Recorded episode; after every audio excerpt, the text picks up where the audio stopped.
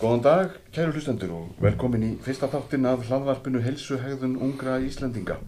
Við ætlum að ræða við mannin sem kannski átti helstu hug- hugmyndina að þessu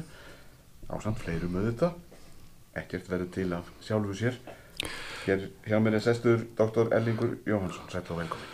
Blesaður, þakka að kella fyrir, gaman að vera hjá þér. Gaman að sjá þig, hvernig hefur það? Ég hef bara mjög Er fínt. það ekki? Það er sól og blíða í núna í byrjun sumas og lífið leikur við okkur og COVID er á undanhaldi þannig að þetta er bara allt mjög skemmtilegt. Stefnum átt að vera gott sumar. Við stefnum á það og að verði hægt að ferðast innanlands eins og, eins og undanfanni sumur. Og svo þegar fólk fer að hlusta á þetta setna í sumar eða á næsta ári, þá heyrðu það hvað við vorum björnstínir. Við erum með bjartsinn og gleðina leiðalösi, það þýðir ekkert annað, það er það sem það gefur okkur, uh, gefur okkur kjark og, og vilja styrkt til að komast áfram í lífinu. Og vonandi svolítið sannsbáði líka. Já, ég held að það sé mjög mikilvægt að vera sansbáður og, og raunhæfir. Og raunsýni er mjög mikilvæg eiginleiki í öllu mannlegu samskiptum allavega. Þetta hlaðvarp sem að nú leipur af stokkunum, þetta hefur verið undirbúningi lengi en er eh, í vinslu þessa dagana og ég veit að uh, þessi faraldur sem hefur gengið um heimsbyðina á eftir að koma aðeins upp í, í samtölum og viðtölum hér í þessum þáttum, þessum fjöldi vísindamanna og ungsfólks tegur þátt. Uh, við ætlum ekkert endilega staldra sérstaklega við faraldurinn í dag, Erlingur, en við ætlum að byrja á þér. Hver er hann þessi maður? Já, um, Ellingur heiti ég, Jóhansson og hérna ég hef að vísu millirafni Sigurður sem ég nota aðalega þegar ég er í Ameríku til að gera Amerikanan ennþá flóknar hvað ég heiti en, en það, er nú bara smá brandari sem ég nota stundum. Nei, ég fattur uppalinn á Snæfellsnesi og ég er snæfellingur og ég er með stoltur af því, ég er rifsari. Það er eigin munur á því að vera rifsari, ólsari eða sandari, menn vita það sem hafa komið á, á þessa á nafla alheimsins samt fyrir vestan. Þannig að og, og ég átti þar mjög farsalt og gott uppeldi uh, við tengingu í náttúruna. Fór á jökulinn á þess að fara ykkur hópferðir eins og er núna og, og var á greni með afa mínum undir rætum snæfisjökuls þannig að ég er dreipilismadur og uppalinn þar. Náttúran mjög öfluga á Snæfellsnesi. hún er mikið og fallegsta fjall á Íslandi þó við erum að leita er á Snæfellsnesi, Snæfellsjökullin eins og allir vita. Og það er mikil orku undir honum. Og gaman að sjá hann þegar maður er hér í Reykjavíkinni og höfböksvæðinu hvað jökullin getur verið fallegur. Síðan uh, lágu leiði mínar norður til Akureyrar og, og þar fór ég í mentaskólan og mentaskólan Akureyri og átti þar mjög flott uh, flott árs og kynntist þar meðal hans konu minni sem, sem uh, hefur verið minn lífsförunötu síðan Frábært. Ná, hverju akkurýri? Það var nú bara þannig þegar við vorum hana stænfyllingarnir, eða rifsararnir og ólsararnir, við, það, menn fóru annarkvort í Vestló eða MR,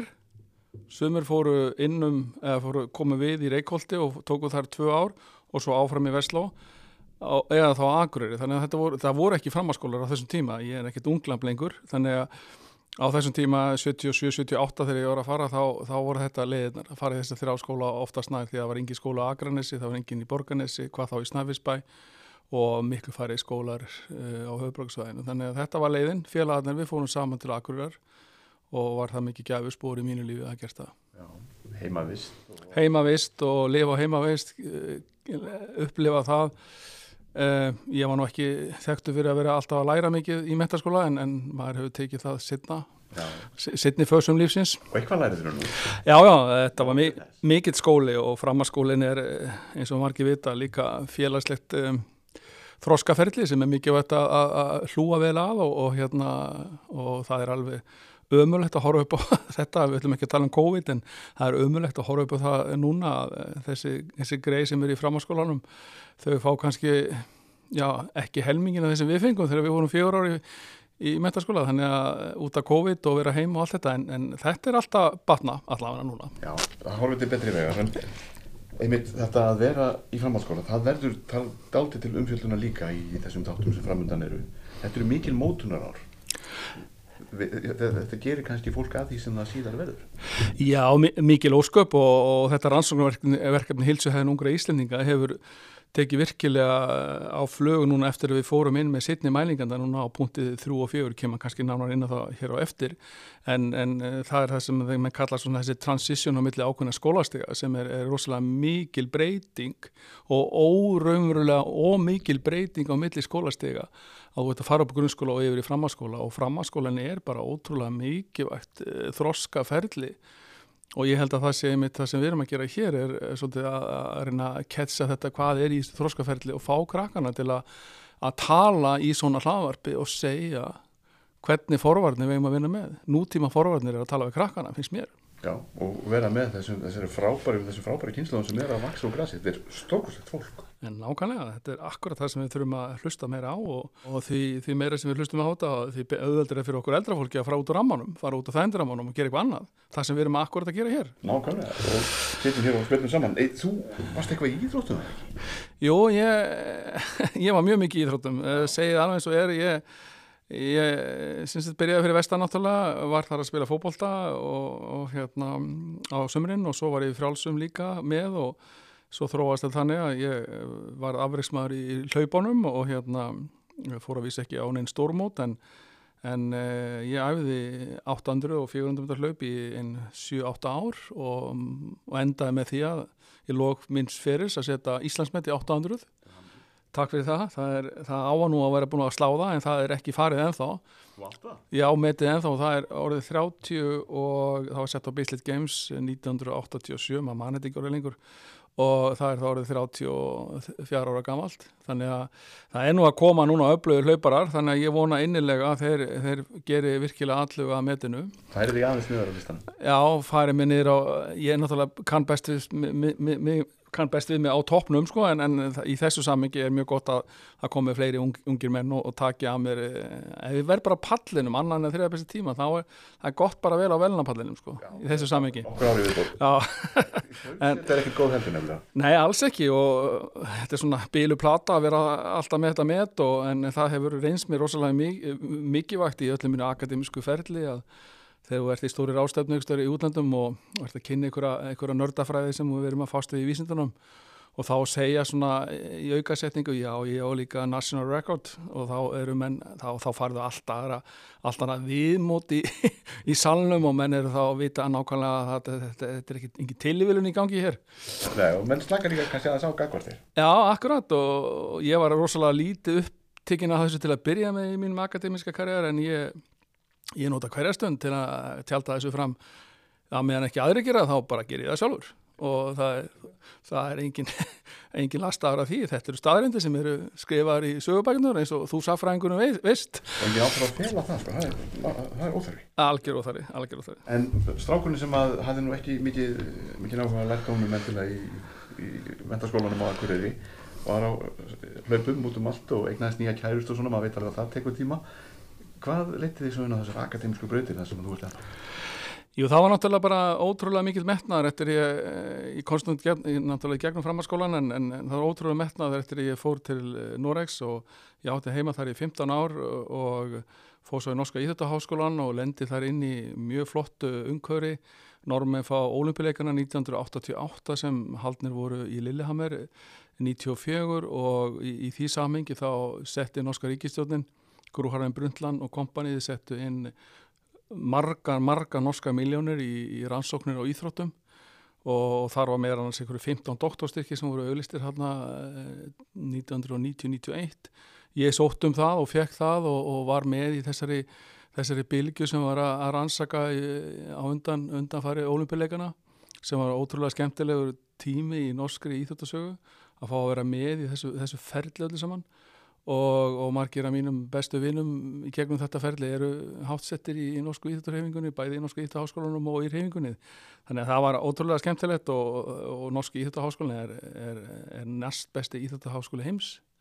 Þannig að það er engin tilvílun það sem er að gerast þar og, hérna, og ég hef við höfum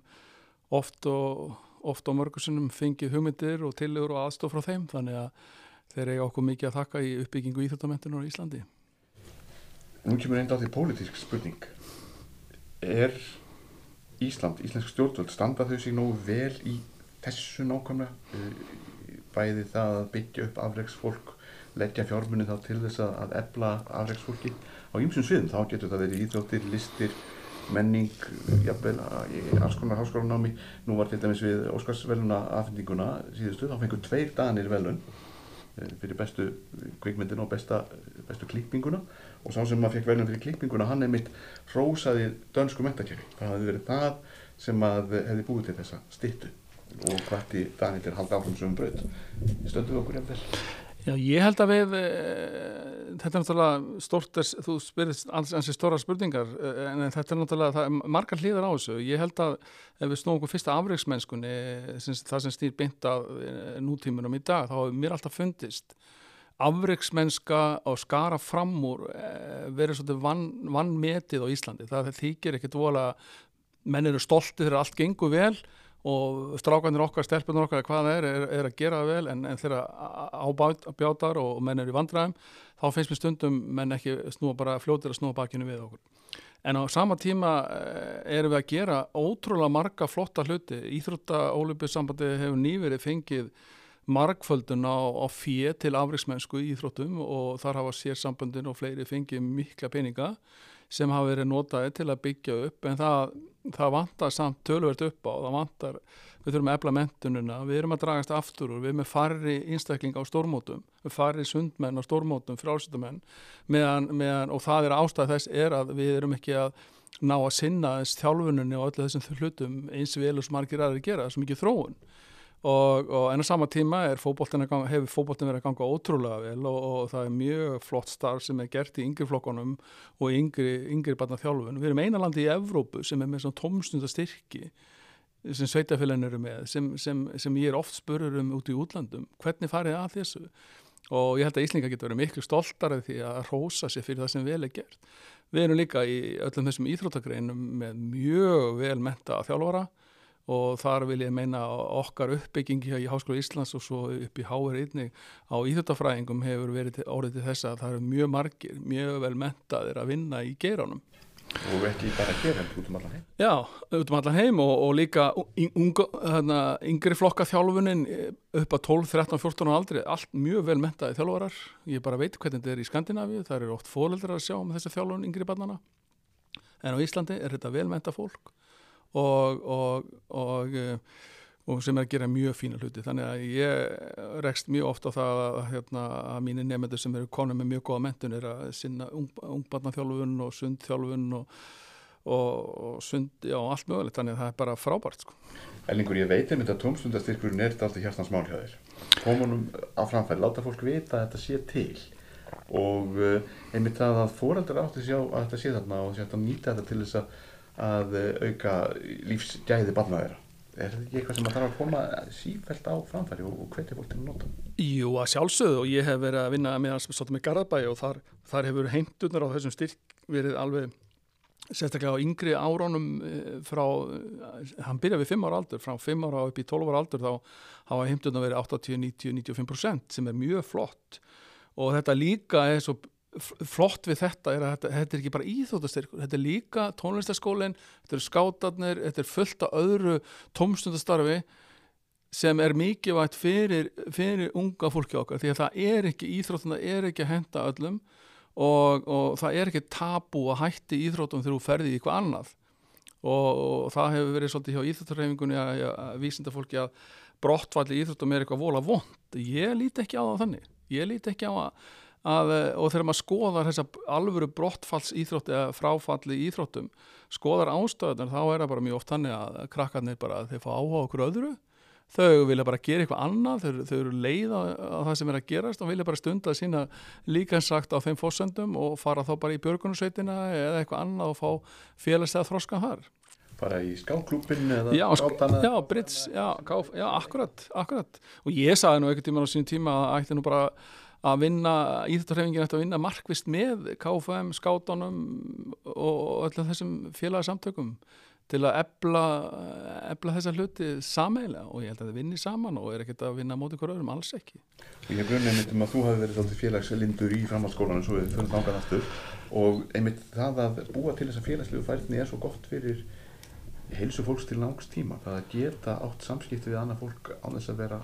í alltaf einhverju klemmu innræð með sér. Nákvæmlega og ég, allt sem, alla mína rannsóknir í sitniti hafa e, mótast af því sem ég er alveg upp við, ég verði fyrir áföllum í uppvextinum þegar ég missi bróðum minn og svo framvegis og, og, og veit að allir þessi hluti sem þú upplifir eh, fyrir lífunu, bæði hversu mikið hreyfurði, hversu mikið stundar af íþróttum og félagstuð þróski, allt þetta, þetta dregur með þér allt lífið. Mótar. mótar því alveg ótrúlega mikið og það er það sem er rosalega mikilvægt að eh, með þessum meðan með þessu hilsu hefur ungra Íslendinga það er að við erum búin að vera að mæla þessa krakka í fjölda mörg ár og munum gera það áfram í framhaldinu þannig að það er þessi, þessi þættir eru ótrúlega mikilvægir í þeirra lengri tíma litið. Einn spurning til viðbótar varðandi skólan áður en við förum að kannski að tala um ráðvarpið sjálft, Erlingur. Já, Eh, Stundum hefur verið talað um það, til dæmis hér hjá stjórnvöldum í Reykjavík, að eh, fara að, eh, ég vil segja, árangusmiða eða áhuga miða námið, bara strax í grunnskóla. Ef að uh, sést að nefandi hefur gríðan áhuga á smíðum eða því að tala í mikrofón eða á sögu eða ensku eða starfræði eða hvað sem er, að beina sjónum frekar í áttina því og uh, svona styðja þau frekar í, í því sem þau eru góð í og ekki kannski vera að hlaða á einhverjum verkefnum sem þau hafa lítinn áhuga og, og finnst þau ekki ná kannski nógum góðum árangri í. Eh, Hefur einhver skoðun á þessu? Þetta er náttúrulega hápólitísk spurning þannig séð uh, og skóla, skólapólitík er náttúrulega eitthvað sem menn, allir hafa skoðunir á. En ég held að, að auðvitað er mikið og ekkert að ebla íþróttum að ganga út á það, tónlistin gengur út á það, afreiksmennska öll gengur út á það að þú, gerir, þú bet, verður betri því sem þú ert góður í. Og auðvitað á skólakerfið að miða svolítið af því og ég held að íslenska skólakerfið sé allan að miða við það sem ég hef upplöfað persónulega með mín börn í Nóri að skólakerfið hér er, er meira upp, upptekið af því að, að hlúa þessum góðu líka ekki, ekki taka meðamennskuna alveg alla leið og hérna en innan ákveðna marka með hafnisvimið og, og, og svo framvegis. Ég held að það sé, að það sé menn vinna, reyna að gera sitt besta í því samingi og ég er náttúrulega, Lára kona mín er grunnskólakennari og við ræðum þetta mjög oft það sem menn eru að velta fyrir sér. Uh, hvernig þú getur komist um, fram, komið fram til að ná þessu markmiðum. En ég held að sko, grunnskólakennari í dag eru bara ofhlaðnir af verkefnum sem voru hér áður þegar við erum að alast upp Markus þá voru þessi verkefni heima hjá fóröldurum okkar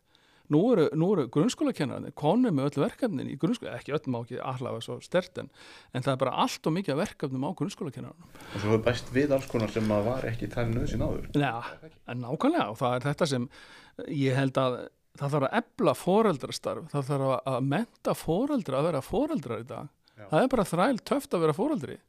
ég meina, Ef við fáum einhver hund þá er, er, við að fara á námskeið til að læra að ala upp hundin. já, þú fyrir bara Bera saman börn og hunda. Nei, nei, þú ferð, þú ferð á stórt námskeið sko ef þú ferðir hund til að læra alveg hundin en þú hefur nokt í að fara á námskeið til alveg bönniðin, öruglega ekki. Þannig að þetta er nú svolítið svona öfumæli í þessu en, en enga síðu það er, þetta er, þetta er mjög hittamál og ég, ég held að við getum verið stolt af íslenska skólakerfinu, ég, jú, ég held að ég, við megum ekki vera að gaggrina endalust og við verum líka það er fullt vel gert í grunnskólum á sama tíma er líka það alveg staðrind að grunnskólakennarar eru lálunastjætt Já. og menn er að segja að það kom ekki inn í grunnskólakennarar nýjir inn í grunnskólana jú þeir fara bara ykkur önnur störf. Já, það sem er betur borgað fyrir mikla mentu. Já, og, og það er fimm ára mentun að taka grunnskólakennarapróf og íþjóttakennarapróf eða hvað það er. Og, og, og þú ferð ekki inn í skólan fyrir 400 skall á mánuði. Og getur farið og unni í bónus fyrir 500 skall eða eitthvað í þeim dú skilur þannig að það sko erum við að hleypa okkar grunnskólakennarum inn í skólana?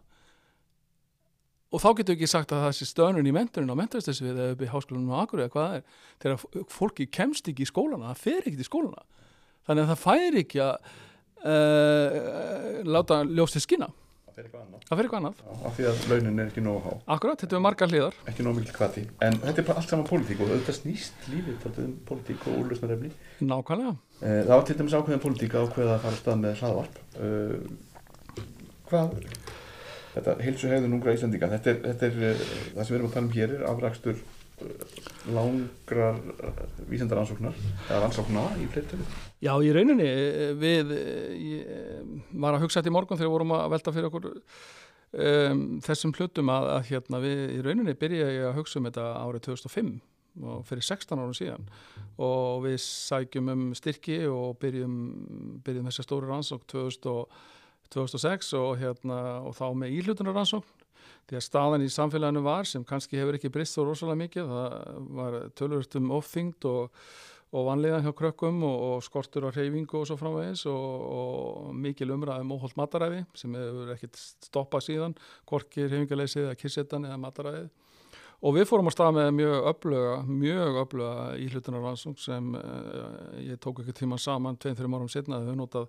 á því vergildum 100 miljónir sem kostaði svo rannsókn og það voru fjóri doktorsnefnar og, og svo framvegs og við náðum að breyta lífstíl krakkana með íhlutana aðgerum í tvö ár í,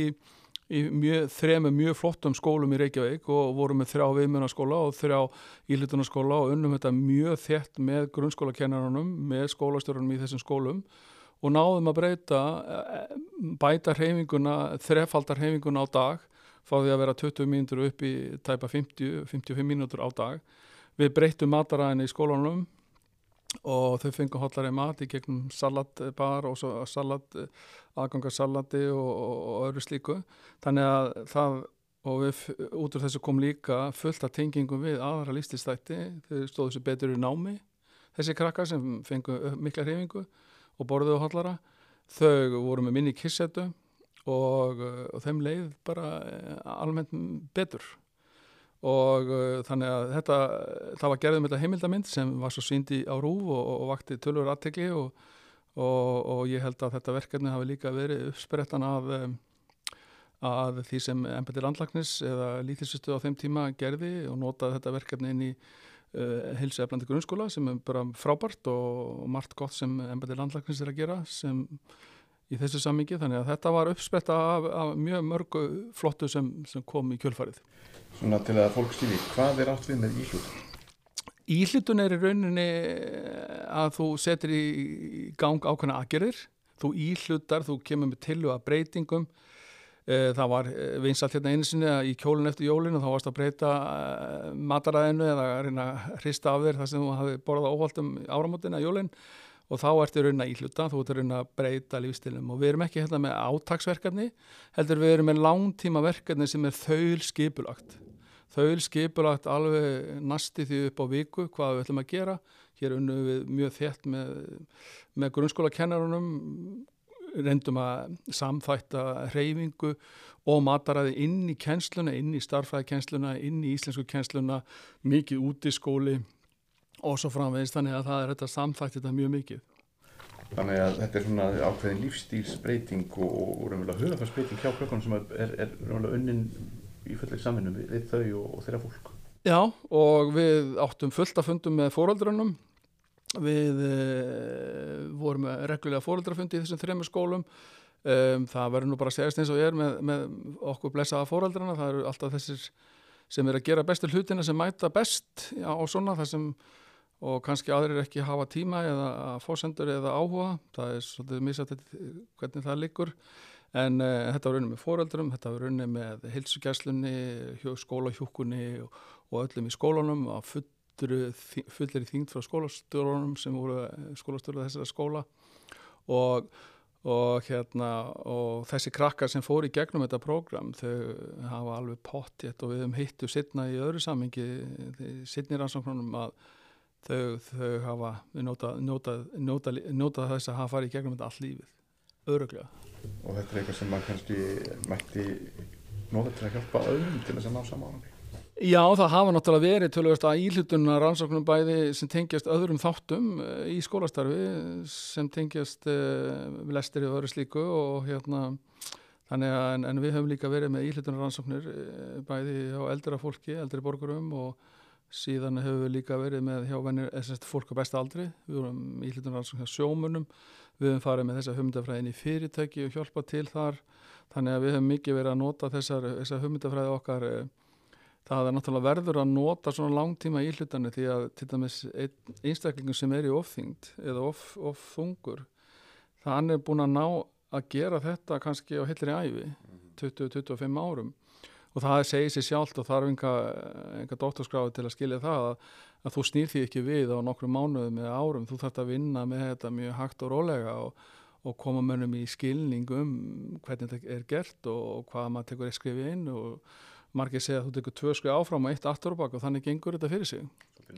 Svolítið nutt en því yngri sem börnin eru því auðveld er náttúrulega að breyta þessu og, og, og hérna og það var rosalega mikil vakning í kringum þetta verkefni En eh, einhver, einmitt þetta með kyrstöðu eða kyrsetu barna og, það, þau séu minna að hreyfa sig heldur en holdt þykir Er þetta tilkynlega nýtt fyrirbæri þegar því þú nefndir nú æsku okkar á hann þá mannum ekki því börnum öðru sem heldur núti alltaf á fullu upp um um allt. Já, í fræðanum þá, þá skilur skýrt á milli reyfingaleisis og kissetu og, og, og skjátíma. Eh, kissetan, eða sedentary behavior, hefur komið núna í sittni, ár þegar þegar með tilkoma iPadana og talvana og, og, og alla þessa símana og allt þetta þannig að sem í þeim er. Já og það sem í þeim er og, hérna og þannig að það er, það er þessi þættir hafa ekki verið eins ríkjandi í þessum fræðum, Kirsetan hefur náttúrulega verið menn voru kannski þá að horfa á vídeospólur eða hérna, feitu, gömlu vídeo Vaffos S eða hvað þetta heitir í gamla daga en, en núna hefur þetta verið, þetta er stort og mikið mál í, í öllu þessu lífstils skrýningu á lífstils þáttum sko að skoða skjátíman og, og, þetta. En þetta var, menn tölvun reyfingaleysi varst ekki að reyfa þig? Þá varstu ekkit endilega í, í tölvunni eða öðru slíku þegar við vorum alast upp. Það var maður kannski, ég veit ekki hvað við gerðum en Lá heim á lásu Já, voru, voru kannski að lesa bók eitthvað, eða svona, þannig að en þetta er orðið, þetta er stort og mikið mál núna, sko, og, og þetta er einn af þessum þessu áhrif á þáttum heilbreyðis, það er, það er aukin skjáttími og, og mikil aukningi kirsetu sem tengist á einmannleika og andleri líðan og fullt, fullt öðrum þáttum, sko. og á við á öllum æfiskeiðum. Já, eh, það virðist vera sérstaklega á yngri aldurskeiðanum upp á 18 og frá 18 til, sérstaklega 18 til 29 ára eru rannsóknir sína að einmannleiki með að drengja er næstu fjóru ykkur drengur á við mikið einmannleika stríða á þessum árum. Og það er mjög mikið og það er náttúrulega ekkert engin tilhöruna eins og til dæmis í Breitlandi að það skulle vera ráþæra sem hefur bara það verkaftinni að vinna með einmannleika og hérna, það hlýtur að vera einmannlegt í vinnunni í honum kannski en, en, en maður veit ekki en, en þetta er bara orðið stort og mikið mál sko. Og eitthvað sem að svona, hinn þróaði ríki allavega er að taka á. Já, já, greinilega þegar menn setja ákveðir áðunuti bara í þennan málaflokk eins og breytandi gera þannig að það er mjög áhugavert og En við sáum þessa, alla þessa þætti miklu meira ríkjandi þegar við fórum svo aftur inn við höldum áfram með uppöld ég ætla ekki að taka það í stjórnuna en, en hilsuhæðan ungar íslinga fór svo aftur við fengum annar rannistyrk, við hefum búin að fá að 5-6 rannistyrki stöflu að stóra rannistyrki í þetta verkefni og fórum í sittni hluta verkefni sinns þegar voru 15 og 19 15 og 17 segi ég. Og þetta eru krakkar sem allir fætti 1999 og við erum búin að fá til okkar um 500 krakka. Það er ykkur 1200 börn á þessum einstaklingar á þessum aldri á höfbrukarsvæðinu þannig að við erum með 40% af öllum einstaklingum á þessum aldri á höfbrukarsvæðinu og þá vorum við líka með svefnininni sem vakti verulega aðtekli og við ætlum að fókusera tölvört á í þessum hlaðvörpum hérna því að það er nýbreyta sem kom inn núna og ótrúlega við skulum ekki að hafa rannsaka eins og mikið svefnin okkar eins og, og, og raunberi vitni en, en það kom ekki að neinu viti fyrir cirka tíu árum síðan. Og við erum með þetta inn í hilsu höfnungra íslendinga við hérna 15 ára og 17 ára aldurinn og, og þar koma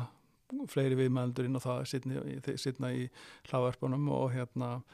en það er fullt af öðrum þáttum sem líka allir okkur töluverum vonbreiðum, það er mikil kirsetta það er eins og við vorum að tala um áðan 60 eh, meðal kirsetta eða skjáttími er 6,5 tími meðal tímin hjá 15 ára bönnum, það er hansi hátt. Það næstu heilt minnu dag Já, já, það, og ég ljósi þess að, að þú ert í skólanum í fjóra tíma og ert í kissettu í kannski heima með einpartin að þessari kissettu 6 tímar, sefur 8 tíma þá er ekki orðið mikið eftir. Já, og svo er það náttúrulega þú sefur náttúrulega ekki 8 tíma, þau gera það náttúrulega ekki. Ha. Svo er svefnin ekki 8 tíma. Nei, nei, akkurat, það, ég, ég, ég klikkaði að reikna það út, sko, þú átta svo 8 tíma og, og, og þar var um, törfur vannbrestur á að það er því á en þetta Þessar niðurstöður, eða þetta, þetta, þessi rannsókn að þetta sé svona samverkandi þættir það sé að kyrstaðan, kyrsettan veldur því að uh, fólk sefur minna á verð uh, líkt svefn veldur því að fólk nennir ekki að fara út að reyfa sig og uh, svo fræðis Já, allir þessi þættir eru sam, sam, samtvinnaðir. Það er, það er minnir reyfing það er meiri kyrsetta þegar þú sefur minna. En í svefnbreytunum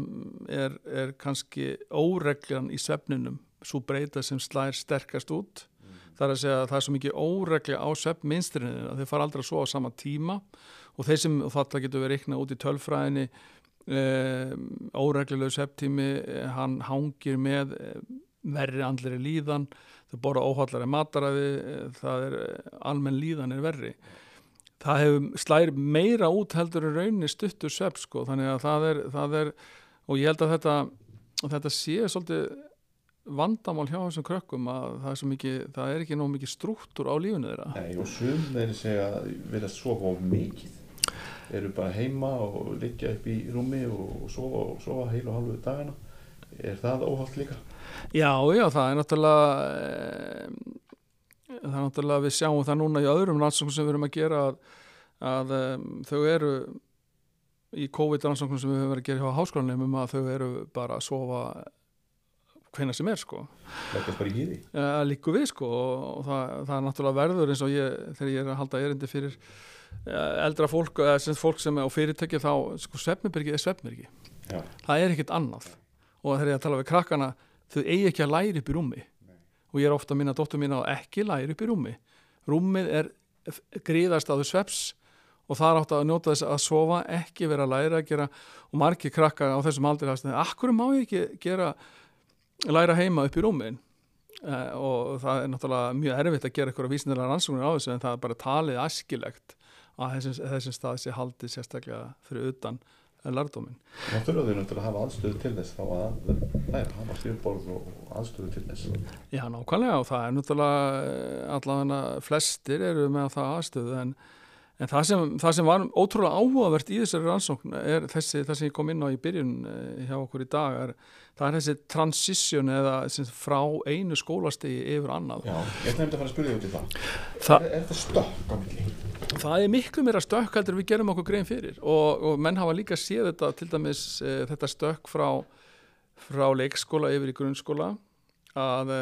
þau eru komin inn í ákveða rútínu þar og svo e, eru það hundlega í leikskólanum að vera að fara í, í grunnskólan Læra meira. Læra meira og þroskast. Kannski er þetta eitthvað stalað í þessum yngri stigum. Sama er í tíundabæk við fundum mjög vel fyrir því að, að þau voru mjög tilbúin að fara yfir í framhanskólan og læra meira. Og, og á sama tíma er þessi árgangu sem við erum að tala um sem við tókum í þessari rannsók það er fyrsti árgangu sem fyrir ekki um þryggjára próf þryggjára ferli og það var bara ótrúlega mikið að gera hjá þeim í þessu já, komast í, á, í gegnum þetta á þremur árum. Kannski hefur það aldrei átt að gerast en, en við breytum því ekki, það er pólitísk ákvörun en, en þetta, þetta er ótrúlega áhugavert. Akveru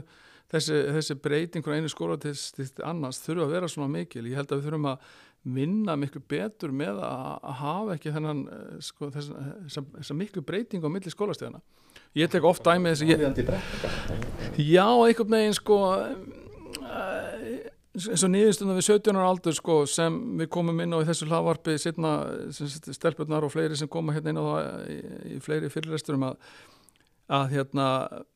það var ótrúlega munur fyrir 15-17 bara á tveimur árum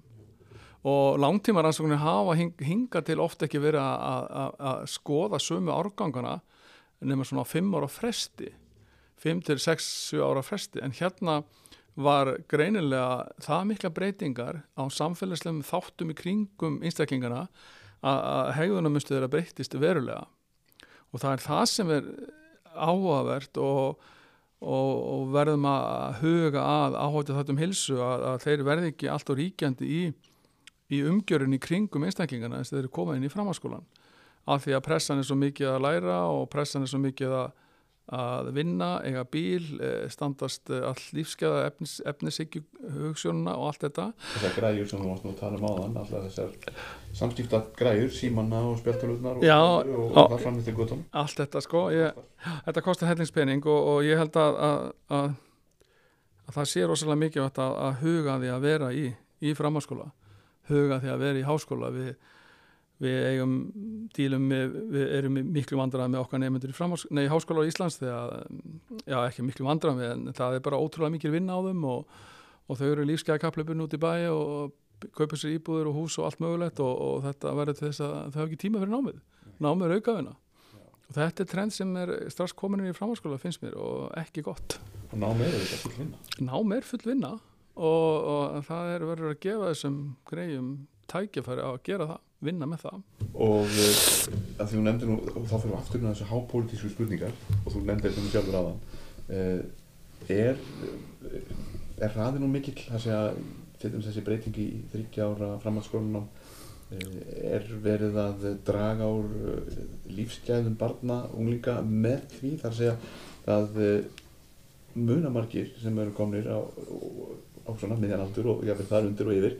eftir framhaldsskólaárunum með svona hlýju. Þetta var skemmtilegu tími, fólk kynntist einmitt jafnveg lífsförunum sínum og Mm. góðum vinnum, eignast góða vinni og var jáfnvel í félagslífið að einhvers konar einhverju sem að, að gaf lífinu lit, ekki bara í skólanum en uh, með 30 ára námi, 30 ára því að klára þetta á 3 ára, þá verður meiri press það þarf að ljúka saman ásefni á styrkjum tíma. Er þetta ekki hefur þú einhverja tilfinningu að ég verði einhverja vísindulegar rannsóknir sem sína að þetta hafi haft vond ár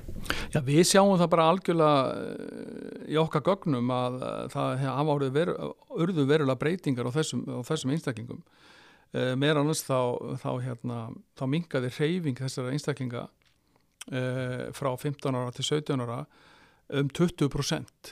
og öll svo reyfing mingaði í, í, á vikutöðunum þegar við getum mælt reyfinguna með okkar uh, hlut, uh, objektum mælum þannig að við sjáum hvort að reyfingin er framkvæmd á virkudögum. Sömu mælandi notaði 15 og 17 ára aldur og við sáum það við 17 ára aldur þá mingaði reyfingin engöngu á virkundögum og ekki um helgar. En já, þannig að það þannig að það er algjörlega að skrifa það á að þau höfðu ekki tíma á virkudögunum. til að stunda sína reyfingu af því að það var svo mikið annað að gera. Nefnilega með því að styrta framhaldsskólan þá lengtist sólurringur samt ekki neitt. Nei, nei, sólaringur er áfram 24 tímar og, og hérna vikan 7 dagar og, og, og svo framvegist þannig að það breytist ekkert en, en það sem var eh, jákvæmt við þetta var það að, að reyfingin um helgar helst óbreytt. Stópa þótt að væri komin í, sko, en en það- því meiri breyting í miðri viku á vikudaganum sem sýnir það að, að, að hérna, þetta, er, þetta hefur verilega mikið að segja álæði sem við ráðum og þá kemur oft kemur oft hreyfingin og hugsun sjálfum sig aftast í rauðina við vitum það bara sjálf þegar við erum að fara í gegnum lífið að það er að koma ákveðin kaplar í lífinu þar sem þú ekki haft tíma að vera að reyfa þig. Álagspunkta mikið litli börnum voru öll til staðar og svo framvegis og framvegis og, og, og hvaða er nú náttúrulega þannig að það er já, já, en, en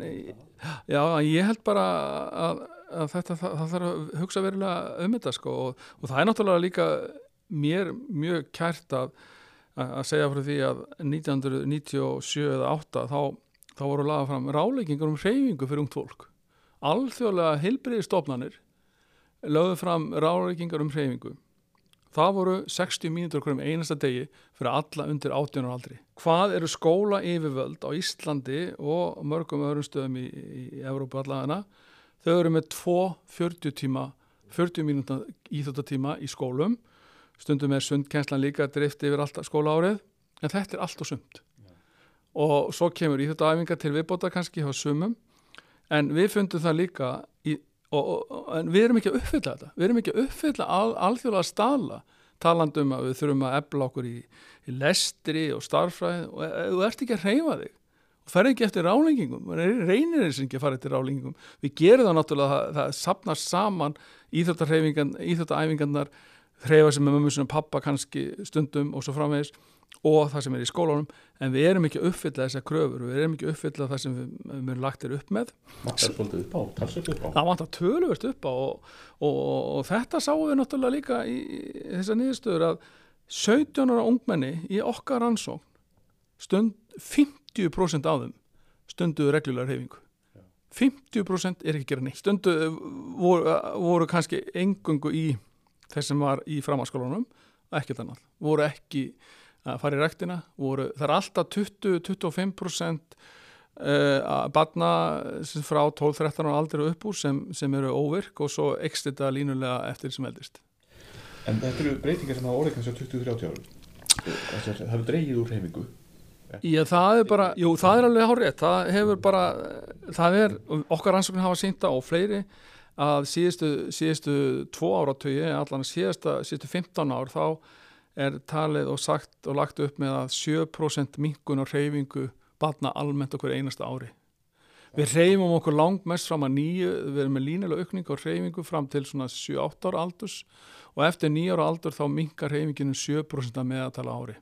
fram á 18 ára aldri. Og svo er alls konar aðri þættir eins og nefndir áðan, það er svefnin og það er mataræðið og það er uh, bara það að stunda svona félagslegt uh, samneitið annað fólk og þar fram til gottunum. Þetta hefur allt saman einhvern veginn breyst og undanfjöldum árum. Íslandingar hafa lengist svona stælt sig að því að verða kalla og kærlinga elstir. Uh, getur við að það eigi eftir að breytast til nákvæm vegna þessara þáttar? Það er ekkit ólíklegt, það er ekkit ólíklegt og það er margir sem segja það að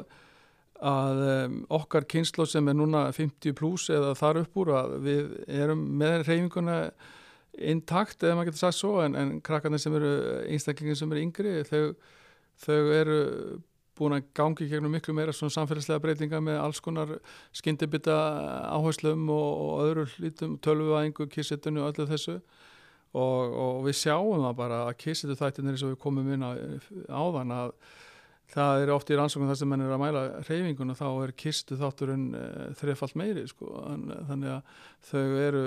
það, hann er alltaf ríkar og ríkar í þessu um, umgjörðira þannig að það er ekki gott sko. En þetta er frábært fólk og það má lítið á ímsa jákvæða þetta til dæmis verið spæðið hafa dreyið mjög úr tópaks reykingum á minnstakosti áfengisnótkun Já það er náttúrulega fíknin bara sem ég geta það á því og það er frábært það sem hefur unnið þar og og frábært starf og það hefur líka verið unni með, með fósjársykju. Við höfum bannað reykingar á hvernig stöðum. Það má ekki banna neitt í dag. Það má ekki banna sölu á óhóllum orkudrykkjum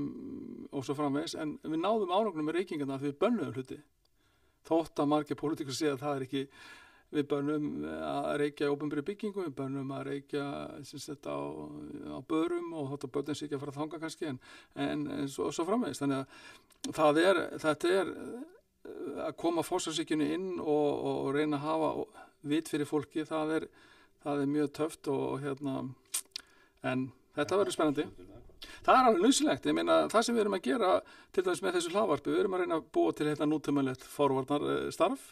við erum að koma með nútímilegar fyrirbyggjandi aðgeri í gegnum hlaðvarp. Hlaðvarp er eitthvað sem allir hlusta á og er orðið líkil eh, líkil aðgerið í, í lífunni hjá mörgu og ungu fólki. Og þannig að, þannig að ég, ég vona einilega að það sem við erum að gera hér sé leið í þá átt að að ebla þetta eh, meðvitund og, og meðvitund með einlífstíl og að þú takir sjálfstæða ákvarðanir. Hilsanir og þína ábyrð þú ber ábyrð á hilsunni það sér enginn um þetta fyrir maður sjá það nei, nei, og, og maður sér oft sko, maður sér það líka oft sko hilsa er ekki hefni ekki engöngu ekki engöngu, það er nú erðafræðin hefur náttúrulega alltaf eitthvað smá veist að segja en, en, en ég er alltaf meira meira þegar að trúa að umhverjastættinir umhverjastættinir í kringum fólk hafa verulega áhrif. Og viðhorfið og, viðhorfið og, og hvernig fólki líður. Þannig að ég held að það sé alltaf ríkjand, meira ríkjandi erðafræði þættirnir eru, eru til staðar en þú tryggir að þá ekki eh, ef umhverfistættinir eru, eru góðir. En eh, að því ég nefndi þetta nú áðan með langlífið sko, lífstillin sem við ástundum á hverjum tíma hann hefur ekki bara áhrif í núinu heldur til lengri tíma. Og rannsóknir á því, eh, svona langtíma rannsóknir það er, það er stuðla þekking á því hvað áhrif, hver, hver þau áhrif eru Já, það er, ég hef verið mjög upptikinn af því að reyna að sína fram á og, og, og, og við erum með fleiri verkefni þess að við erum að skoða áhrif nótkunnara ákveðinu þáttum fyrir lífinu, hvernig það hefur áhrif setni lífinu. Það er alveg þekkt með margum rannsóknum sem bæði finnar og fleiri hafa gert að þeir krakkar sem stunda íþróttir, reyfingu með fóröldri sinu mikið, þau eru, eru börn, það eigur líkutnar á því að þau gerir það þegar þau eru ungmenni og tekur ennþá mér líkur á því að þau gerir það einnig þegar þau eru sjálfkominn börn. Mm. þannig að fyrir lífstil, fyrir mm, viðhorf uh, aðtapni sem fólk gerir í tengingum við hreyfingu hefur verilega áhrif á sittni lífstil og sittni hegðuna minnstu fólks. Þannig að það er, það er fullt af rannsóknum. Það er kissetta líka. Kissettan uh, er sínda því meiri kissetta sem er fyrir lífinu því meiri líkur að kissettan verði áfram og við sjáum þetta á fleiri þáttum eh, holdmataræði og er alveg uppi holdmataræði þá er það, þannig að við getum talið upp endalust hérna þætti sem eru mjög mikilvægir sem, sem, og við sjáum þetta líka í okkar ansóknum, við sjáum þetta það sem við erum að skoða uh, í þessari hilsu þennan ungar íslendinga þá hefur við að skoða þreg uh, gott þrek hjá stúlkum nýjára hafði, uh, hafði þeir sem voru í góðu þreki nýjára voru með betri námsangu 15 ára þannig að það er fullt af svona tengingum þannig að, að góðu lífstill, holl lífstill uh, gott skor á þessum hilsufarsbreytum snemmi í lífinu, bæði nýju og, og sjóra, það hefur, uh, hefur fórspárskildi fyrir, fyrir betra lífstilni í lífinu fólk líka náttúrulega vissi þetta alveg því að lengi bíla fyrstu gerð var til einhvern veginn fyrir, fyrir mörgum öldum. Nákvæmlega og, og hérna þannig að það var það náttúrulega var miklu einfaldara þá. Allt sem við vorum að alast upp við þú veist hvernig það er, Markus Það er ekki verið mjög langt. Aftur tíman en, en einmitt þetta og er þá hægt jáfnvel með svona rannsóknum að átt að sjá hversu auðvelt eða erfitt það er jáfnvel að, að vinda ofan af lífstíl sem er ekki hotlur fyrir fólk Já, já, það, það sko við erum með alls konar verkfæri eins og við komum inn á tómsundastyrkin hérna áðan, við erum með íþjóttastarfið, við erum með, upp, við erum með þekkingu til að gefa fóröldurum og svo framvegis. Og við erum að sjá, við erum að sjá niðurstöður í ákvað átt hér vegna sem við, við vitum að til dæmis í gegnum svona það sem við kallum á fagmálum svona tracking stúdjur þar sem við þetta skoða feril ofþingdar til dæmis að, að, að það er í samfélagunum eru kannski 20-25% af einstaklingunum sem eru ofþungir út frá þessum BMI eða líkastýndastöðli sem er kannski ekki allir bestið mælikvarðin en hann er mikið notaður. Þá sér maður að engangu af þessum 20-25% þá er engangu 5% sem eru alltaf á þessum stað. Þannig að það eru 15% þetta inn og út og ekki sömu einstaklinganir þannig að það er, það er, það er von þegar þú sérða að, að, að það sumir breyta og við þekkjum þetta í kringum okkur að, að þegar, fólk fær einhverja vakningu og byrjar nýtt líf og þá nærða á spórun og svo lenda einhver aðrir í áfallum eða hvað það er og, og lenda í hinnalegina þannig að það er, það er, það er við erum að vinna mjög gott starf í mörguðu samhengi og, og það er verið að hjálpa og, en það er alltaf ákveðin hluti sem er hérna á þessum stað sem sem er ekki, og offita off verilega mikil offita á börnum samkvæmt þessum læknum sem eru að skoða þetta mikið núna er, er að aukast í miður, þannig að það er svona okkur, það sem segir svona polarisering, þú har fleiri sem eru mjög þungir og, og, og fari sem, sem fjöldin ykst ekki. En, en þetta er, er samfélagslegt vandamál sem, sem virðist alltaf bara að vera í ríkjandi í samfélagunum En uh, þú nefndir einmitt aðan, Ellingur enginn gerir þetta fyrir mann það þarf að gera þetta sjálfur það þarf að taka ákvörðuna sjálfur um að, linda ofan af einhverju sem maður ekki ánaði með. Finnur og hamla hann e, e, það er alltaf hægt að finna það stuðning það ekki, er það ekki kannski það sem er svo mikilvægt líka? Samfélagið er til í að hjálpa. Jú, jú, það er margt gott í samfélaginu sem, sem hefur verið að koma undan farin ári minna bara þetta atriði að eins og við höfum verið að hamra á núna í hilsueflingar námskjönum okkar í Háskóla Íslands og fleiri stöðum að hilsa er, er, er skilgrind á þrjá vegu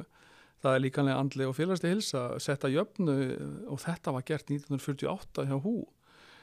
Ég vil meina það að við höfum verið óa lítið upptekina af þessum tveimur öðrum þáttum sem ég nefndi hérna á hann félagslega og andli hilsa en andli hilsa hefur fengið ótrúlega mikið mikið aðtekli undafarið, það er komið núna inn í lögjöna, þú getur fengið aðstóð greitt fyrir að leita andleiraðar stöðnings og svo framvegis. Andleg þjálfun er orðin mjög rík í, í íþróttaþjálfun og það eru konar heilu bækundar bara um andlega þjálfun, hvernig þú þjálfar andlega hlutina og algjört líkil aðrið til að ná látt í, í svona krefjandi eh, viðhjómsveitnum eins og íþróttum og tónlist og leiklist og öllum möguleg það sem, sem skara fram úr. Þannig að það er komið, það er, við, við erum alltaf að sjá og greina hlutina í kringum þetta betur og betur og, og veita svo þjónustöðu og, og stöning eh, í kringum þessi þætti og þótt að fóraldinu fara ekki á námskið til að læra alveg börnin sín þá geta þau farið og farið á námskið og lært meira um andlega þjálfun og andlega líðan og allt mögulegt og það sem er mjög ákvæmt En Elningur, eh, þú ert búin að fara svona mýðan öllum þessi allar þessi rannsóknir, þessi langtíma rannsóknir sem að ná mjög langt aftur tíman og ef við tökum allt með, ég hef vel sko, ára tugi sem þessum rannsóknum hafa verið gerðið annar staður og allt byggir þetta ofan á annað og, og, og býr til ákveðna niðurstöðu sem að útstýra lífið en eh, vísindar hlaðarpið, það er svo sagður á hann þetta á að vera svona heilsueflandi fyrir fólk og efla kannski fólk til, til vitundar um, um hvernig maður bæta heilsuna og hvernig maður á að hegða sér til þess að, að líða betur í lífinu. En uh, nú til dæmis var teknið svo ákvörðun að við ætlum að gera 6 til 7 þætti, sennilega 7 þætti í fyrstu umferð og uh, fyrir utan þennan þátt þá má búist við að það verði framhaldsskólanemar með í hverjum þætti ásamt há og sprengja læriðum með vísindamönnum. Hvað er akkur? Já. Akkur vildu við gera þetta svona? Já, þegar við vorum að velta svo fyrir okkur hérna fyrir rúma hálfa ára síðan þá, þá í ljósið þess að, að við öll sem stöndum að þessari hilsu hefðun ungra íslendingar ansóknarverkefni þá fannst okkur um, tímabært að hugsa aðeins út fyrir bóksið og hugsa aðeins út fyrir ramman. Ég hef hlusta sjálfur mjög mikið á hlaðvörp um, bæði amerísk og, og íslensk og allt mögulegt og, og mér leiðist þegar einn einstaklingur eins og ég er að gera núna talar allan tíman þannig að við vorum að velta fyrir okkur að, að hvort að við getum brittað upp okkur nýju sem myndi höfða til þeir markshóps sem við erum að velta fyrir okkur hér. Og markhópunum með þessu hlaðverpum er, er einstaklingar á aldurum 16 til 20 þessi framhanskólanleimar og eftir ég viðra þessa hugmynd að taka inn framhanskólanleima inn í þetta hlaðvarp uh, rætti við tvo góða skólamistara sem ég þekki mjög vel og, og þeir, þeim fannst þetta frábær hugmynd. Frábær hugmynd og voru tilbúin að finna fyrir okkur góða nefnendur þannig að eftir, eftir samtal við þessa þrjá skóla eh, sem er Vestló, eh, hérna, MH og eh, fjöldbyrðskólinni Garðabæ þá fengum við inn krakka sem, er, sem eru mjög öflug og koma inn með sína hugmyndir og sína skoðanir í viðbót við vísindilega þekkingu og fræðmennsku fræðmennina. Þannig að ég held að þetta sé þetta er frumkvælastarf, við erum að búa til nýtt, það getur vel verið að enginn hlusta á þetta en ég held að þetta sé, ég, ég, ég er þeirra trúar að þetta sé nútíma forvarnir, við erum að búa til eh, upp úr, þátt, upp úr verkfæri sem er mjög mikið nota í dag, sem ekki hlusta á og við erum að samþætta einstaklingarna sem virkilega þurfa á þessari fræslu og, og þekkingu að halda að koma með í þetta með okkur og segja okkur hvernig þeim líður, hvað er þetta að gera og svo framvegis. Það er allt og mikið verið að messa yfir sérfæðingarnir, messa yfir fólki og, og ég upplöfu þetta mjög oft við erum að finna fullta niðurstöðum, rannsóknar niðurstöðum og, seg, og þá segir fólki samfélagi já þeir eru með fullta niðurstöðum, er þetta eitthvað notað mm -hmm. og þetta er svona viðleitni þá átt að við ætlum að reyna að koma þessu áleiðins á, á nýjan hátt með því að draga inn krakkana draga en öfluga framhalskóla krakka nefnendur hérna frá þessum þrejum skólum með okkur í hláarpið með svona frábæna stjórnandi þess að þú ert þá held ég að þetta sé bara alveg getur orðið mjög flott. Og mjög flott vísindamenn. Já, já, það þá er þetta góður hópur af fólki sem að tala manna já og við hérna um fjóra mjög öfluga konur hérna með okkur og við kallanir erum í minni hluta og eins og er bara almennt í háskólanum eh, en það er ekkit vond við það en en það bara, já, það er bara mjög flott og, og hérna og fólk á öllum aldri eh, sem er mikilvægt eh, því að það er, það er svolítið já, það þarf að það þarf að ná til þeirra og á mismandi hátt og, menn gera það misaflega eftir hvað eru, hvað eru stættir í lífunu Þetta er fólki eftir að heyra eitthvað í þessum hlaðvarpstáttum sem áttur að koma því á óvart. Já, ég vona það. Ég Ég, við erum mjög dögleg öll okkar að halda erindi allir þessi vísnir sem koma að þessu og þú fara alveg alltaf í hvert einasta skiptið þú ert með erindi þá faraðu alltaf spurningar sem þú áttur ekki vona á. Sérstaklega um þess að lífstilstætti minna bara að tala um söfnin ég, ég nýlega búin að tala um söfnin og tala um söfn ég talaði bara næstu bara um söfnubyrgið hvernig er, er hjá þér í söfnubyrginu þú, þú, þú, þú notar eitt þriðja æfin í söfnubyrginu ertu með almenna kotta? Ertu með almenna sæng, ertu með almenna rúm? Hvernig er? Það muna miklu hvort þú sofir í átjónstígum eða 21 gráðu það getur muna bara upp á gæði söfsins allir þessi litli hlutir telja. Og hvað er inn í söfninginu, hvernig eru veggir nákvæmlega, allir getur allt máli. Alls konar svona og ég er alveg samfarað um það og það er markmið okkar með þessum þáttum að, að vekja fólk til umhugsunar. Vekja fólk til umhugsunar vekja fólk til að fara að velta fyrir sér já, hilsan er á mín ábyrð það er engin annan sem sér um hennar nema ég Dr. Ellingur Jóhansson svona áður í kveldík, eitthvað sem að uh, þú vil koma sérstaklega á framfæri áður en að við hefjum svo vegferðina inn í næstu, næstu sex þætti sem að verða margvíslu þætt Nei, ég er bara eins og ég sagði á hann, ég er alveg samfarið um að, að við erum að byrja hérna með hlaðvarpþætti sem er ekki engangu verða þessi 60 þætti sem við erum að byrja með hér. Við höfum hugmyndur um að halda þessu áfram, halda þessu forvarnastarfi, fyrirbyggjandi heilsustarfi áfram með fleiri hlaðvarpum og,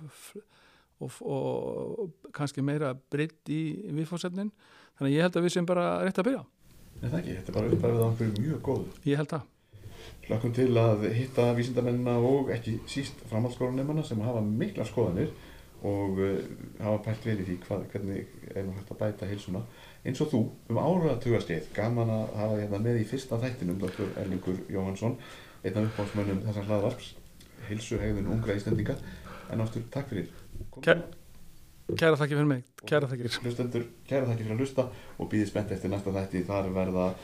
vísindin og, og, og viðhorf unga fólksins efst á bau, en við hverjum í dag, verðið sæl.